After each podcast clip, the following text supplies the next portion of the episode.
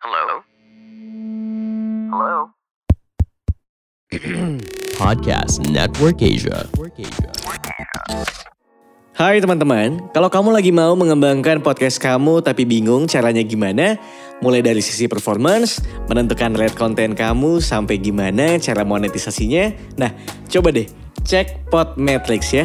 Podmetrics adalah platform yang bisa ngebantu kamu untuk lebih mudah melihat performa konten podcastmu. Lalu melalui Podmetrics, kamu juga bisa menentukan rate podcastmu melalui data yang tersedia. Serta bisa juga monetisasi kontenmu dengan campaign-campaign dari brand yang cocok dengan podcast kamu.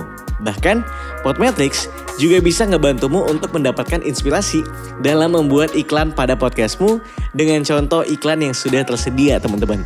Gak ketinggalan juga, sekarang Podmetrics juga ada fitur Pod Earnings dengan berbagai metode pembayaran sehingga mudahin kamu untuk mendapatkan penghasilan dari Podmetrics ya. Jadi, kalau kamu seorang podcaster, pastiin kamu daftar Podmetrics dengan memakai Podmetrics referralku. Kamu bisa langsung aja cek di description boxku dan kamu klik link yang ada di situ ya. Buruan, biar kamu tahu gimana caranya ngasilin uang dari podcast. Hai teman-teman, nama saya Ridwan dan selamat datang di podcast sebelum tidur. Selamat pagi, siang, sore, malam semuanya buat lo yang lagi dengerin ini kapan pun. Mudah-mudahan selalu sehat walafiat.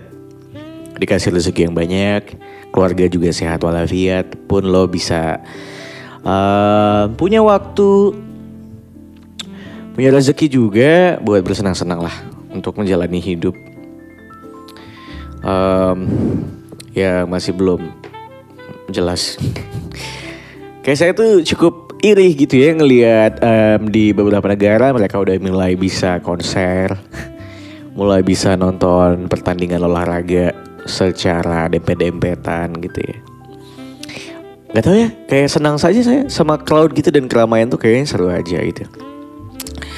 Ya udahlah, Mudah-mudahan semuanya bisa segera divaksin juga. Jadi kalau misalnya kamu belum vaksin, ayo vaksin. Uh, kalau misalnya masih dosis, dosis pertama, ya udahlah ya nanti akan dijadwalkan dosis kedua.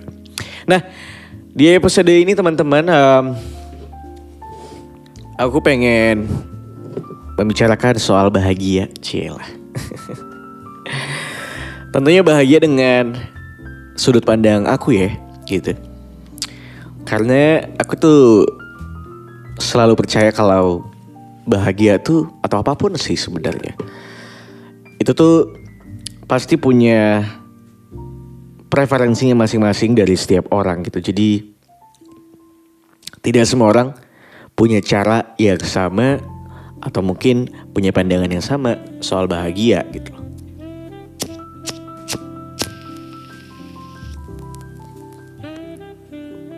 Terus um, kenapa ngomongin ini? Karena nggak tahu kenapa. Uh, mungkin ini yang lagi aku rasakan dalam beberapa waktu belakangan gitu ya, dalam menjalani hari-hariku. Uh, ternyata aku cukup bahagia gitu. Nah, pertama-tama mungkin aku pengen ngomongin bahagia dari mayoritas pandangan orang-orang di sekitar kita gitu. Let's say Indonesia lah ya um, kita nggak bisa pungkiri ada banyak di luar sana orang tua yang mungkin ngelihat anaknya bisa dibilang bahagia ketika anaknya punya kerja. Ya gak sih. Kalau misalnya masih nganggur, dia udah lulus, pasti mereka merasa anaknya bahagia gak sih gitu. Selain punya kerja, ketika udah punya kerja, ada juga beberapa orang yang punya pandangan, um, ya orang ini akan bahagia atau anaknya atau siapa pun akan bahagia akan bisa dibilang bahagia ketika dia punya penghasilan tetap. Dalam artian setiap bulan ya jelas gajinya sekian. Setelah penghasilannya tetap, dia juga stabil.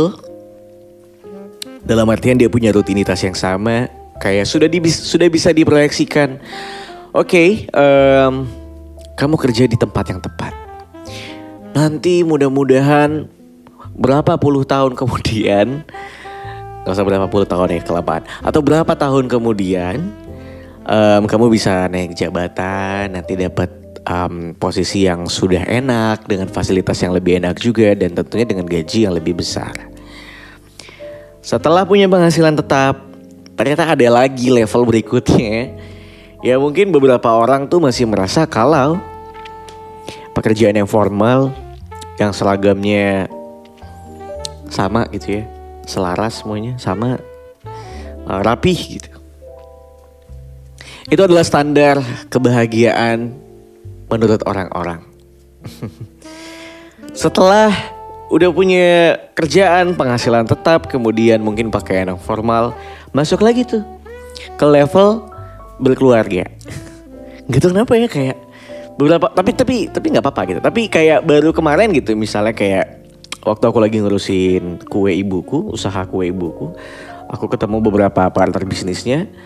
Terus ah, dia ibu-ibu, dia bilang kan, udah gitu, sekarang cuma tinggal nyari pendamping. Biar ada yang ngurusin, bla bla bla gitu. And that's okay deh. Aku tahu itu cuma basa-basi. Cuma itu kan basa-basi yang menurut orang kayak, oke okay, itu kayaknya kamu akan lebih bahagia ketika kamu nanti sudah berkeluarga gitu. Nah, beberapa tadi adalah beberapa uh, poin-poin yang mungkin menurutku bisa dibilang itu menjadi standar kebahagiaan mayoritas orang-orang di sekitar kita. Terus, apakah salah? Tidak, sama sekali tidak. Dibilang benar, ya benar kan kita tidak bisa kita tidak bisa um, mengatakan itu benar atau salah karena menurut menurutku kayak selama itu pilihan yang baik kamu tidak mencuri, kamu tidak copet, kamu tidak merampok, ya sudah lah, nggak apa-apa lah. Toh itu beberapa hal yang mungkin dijalankan dengan baik, uh, bermanfaat buat sekitar. Jadi dibilang salah, tidak, nggak apa-apa juga gitu. Karena menurutku ini sama aja kayak preferensi, tau gak? Um, bahkan sebenarnya bahagia pun punya preferensinya masing-masing, nggak cuma musik, nggak cuma film um, walaupun mungkin beberapa orang tuh masih ada yang sulit untuk um, berselisih caranya menjalani hidup gitu. Ya seperti yang tadi aku bilang, mungkin ada beberapa yang suka dengan pekerja yang um, penghasilannya tetap, tapi ada yang nggak suka ketika keluarganya atau kerabatnya itu penghasilannya tidak tetap. Aduh, masih serabutan gitu gitulah intinya. Apakah mereka salah? Um, ya kita nggak bisa pungkiri. Namanya orang kan kadang-kadang nggak bisa nahan ya. Tapi kalau saya pribadi, saya memilih untuk tidak berstatement seperti itu. Karena tadi yang saya bilang, setiap orang punya preferensinya masing-masing gitu. Nah, kemudian um, emang yang kayak gimana lagi sih? Emang bahagia itu bisa diukur dengan apa lagi? Um, ternyata sempat yang pernah aku bilang juga kayak bahagia tuh nggak bisa diukur sama orang lain gitu. Nggak bisa disamain dengan orang lain. Kita tidak harus mengikuti orang lain untuk bisa bahagia teman-teman. Um, pun kita juga punya caranya sendiri untuk bisa bahagia. Um, sebelumnya aku tuh kerja kantoran. Um, di saat aku apply dan daftar menjadi pekerja kantoran memang ada rasa curious yang aku pengen tahu gimana sih rasanya kerja di kantoran mengerjakan ini seperti apa. Tidak cukup lama untuk aku akhirnya merasakan kalau ternyata um, aku kayaknya nggak nggak di sini gitu. Kayak aku tidak menjalani hariku dengan nyaman, maybe, tenang, mungkin gitu. Sampai akhirnya aku memutuskan untuk resign. Aku memutuskan untuk independen dalam artian kerja untuk diriku sendiri. Um, sebut saja aku mengerjakan podcastku secara komersil. Um, kemudian juga aku mengurusi usaha kue ibuku dan ketika aku dibilang ngurus usaha kue ibuku kan berarti um, aku punya otoritas penuh kapan aku mau uh, bekerja gitu. Karena biar bagaimana kan namanya dagang ya. Dagang kan bebas kita mau buka kapan, mau tutup kapan. Ya walaupun bukan berarti saya tutup terus ya. Tapi kayak kita tahu gitu, oh aku mau kerja tengah malam juga gak apa-apa gitu. Oh aku mau kerja oh, dari si mulai dari siang juga nggak apa-apa selama um, deadline-nya masih aman kayak gitu. Dan aku tidak dikejar oleh siapa pun gitu. Um, dan apa, apa apa yang aku rasakan gitu. Um, eh tapi sebelumnya aku juga pengen share ya. Uh, takutnya nanti kayak wah berarti kalau misalnya kita tidak nyaman kerja di kantoran emang berarti pilihan yang tepat adalah resign. Enggak juga um, aku juga pengen bilang ketika beberapa orang bilang kayak udah kalau kamu gak nyaman sama pekerjaanmu dan kantormu cabut aja gitu Gak juga kayak gitu men um, aku pun cabut dengan dasar aku tahu mau ngapain setelah ini apa yang akan aku kerjakan uh, dari mana pundi-pundi uang akan akan akan aku dapatkan gitu. Aku juga sudah memikirkan itu. Jadi ketika itu sudah matang, barulah aku decide untuk akhirnya cabut dan resign dari kantor. Nah, setelah resign menjalani hari demi hari, akhirnya um, kemarin aku akhirnya merenung gitu ya kayak yang terjadi sama hidupku belakangan ini setelah aku resign dan menjalani beberapa pekerjaan uh, yang aku kerjakan sekarang tuh ternyata aku lebih peaceful, lebih damai gitu, nggak tahu kenapa, tenang ngerasa tenang aja gitu. Tidak ada rasa kayak aduh aduh aduh. Ya ada mah ada gitu. Paling kayak udah kemepet deadline banget kayak aku udah harus ngupload podcast nih ya. Tapi aku belum sempet take misalnya. Nah, itu kadang-kadang aduh aduh gitu. Tapi kan sebenarnya itu kan masalah manajemen waktuku aja yang mungkin waktu itu lagi kacau. Tapi ternyata aku jauh lebih tenang menjalani hari demi hari. Aku tuh bangun pagi dengan rasa kayak ah mencari. Hari ini mau ngapain? Oh iya hari ini tadi mau ini mau gini mau gini mau gini. Jadi bukan kayak aduh hari ini aku mau kayak gini lagi. Tidak ada kata aduh lagi gitu. Jadi lebih kepada kayak ya hari ini aku mau nyiram bunga dulu nyiram bunga ibu dulu di depan rumah terus aku mau ke sini mau ke situ mau ngurusin ini mau ngurusin itu. Dan semuanya aku jalanin dengan kayak ah menyenangkan sekali. Tidak sabar untuk menjalani hari ini gitu. Um, selain itu um, aku punya rasa curiosity yang yang lebih tinggi lagi dibanding waktu aku di kantor. Curiosity yang seperti apa gitu? Let's say kita berbicara inovasi ya. Di kantor kan kita juga sebenarnya sebagai karyawan dituntut punya inovasi yang tinggi. Ya kan, pasti dong. Dan kita harus punya curiosity yang tinggi kalau kita pengen berinovasi. Nah, tapi nggak tahu kenapa di kantor tuh aku sulit banget untuk punya rasa curiosity yang tinggi gitu, rasa penasaran yang tinggi. Tapi belakangan setelah aku ngerjakan um, beberapa hal yang aku kerjakan sendiri, aku crafting sendiri gitu ya. Um, ternyata ada banyak hal yang membuat aku penasaran. Kayak eh kalau misalnya diginiin lucu nggak ya? Seru nggak ya? Kalau diginiin gimana ya? Gini gimana ya? Kalau bikin ini gimana ya? Gitu. Akhirnya tumbul, eh tumbul lagi, tumbuh ide-ide baru yang pengen aku lakukan dalam beberapa platform yang sudah aku jalankan. Apa ya, apa ya, ada rasa penasaran lagi, ide-idenya tumbuh lagi. Setelah ide-idenya tumbuh, ternyata nggak cuma curiosity-nya yang tinggi, tapi rasa excitement-nya pun tinggi gitu. Excitement-nya juga sama tingginya kayak curiosity-nya. Dalam artian ketika sudah muncul idenya, rasa ingin untuk mengeksekusinya tuh juga jauh lebih besar kayak oke okay, um, berarti ini dulu yang harus dikerjakan. Um, and then aku harus kayak gini.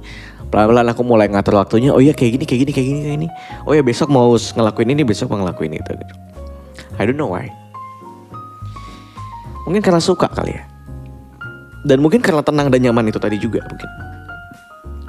Baru setelah excited ngerjakan itu mengerjakan beberapa ide-ide tadi ternyata aku lakukan tanpa haduh. haduh gimana ya? Tapi aku lakukan dengan menikmati aja gitu. Nyiram bunga loh. Atau mungkin nganterin kue doang gitu ya, nganterin kue ke customer. Ada pesanan banyak misalnya. Terus saya harus nganterin kue. Itu tuh cuma nganterin. saya menikmati I don't know why. I don't know why. Setelah menikmati, um, ada lagi rasa cukup. Rasa cukup sama keadaan yang ada. Apa output yang didapatkan dari segala yang dikerjakan. Merasa cukup dan merasa bersyukur gitu. Ternyata saya tidak mengalami kekurangan. Ternyata saya cukup gitu. Ya walaupun dibilang berlebihan juga tidak gitu. Jadi ya cukup. Ternyata dengan merasa cukup sama keadaan, sama sekitar itu ngebuat aku ini simple sih sebenarnya bersyukur. Tapi ternyata bersyukur tuh kalau misalnya dimaknai secara lebih dalam, ternyata sebahagia itu juga ya, yang akhirnya aku rasakan gitu.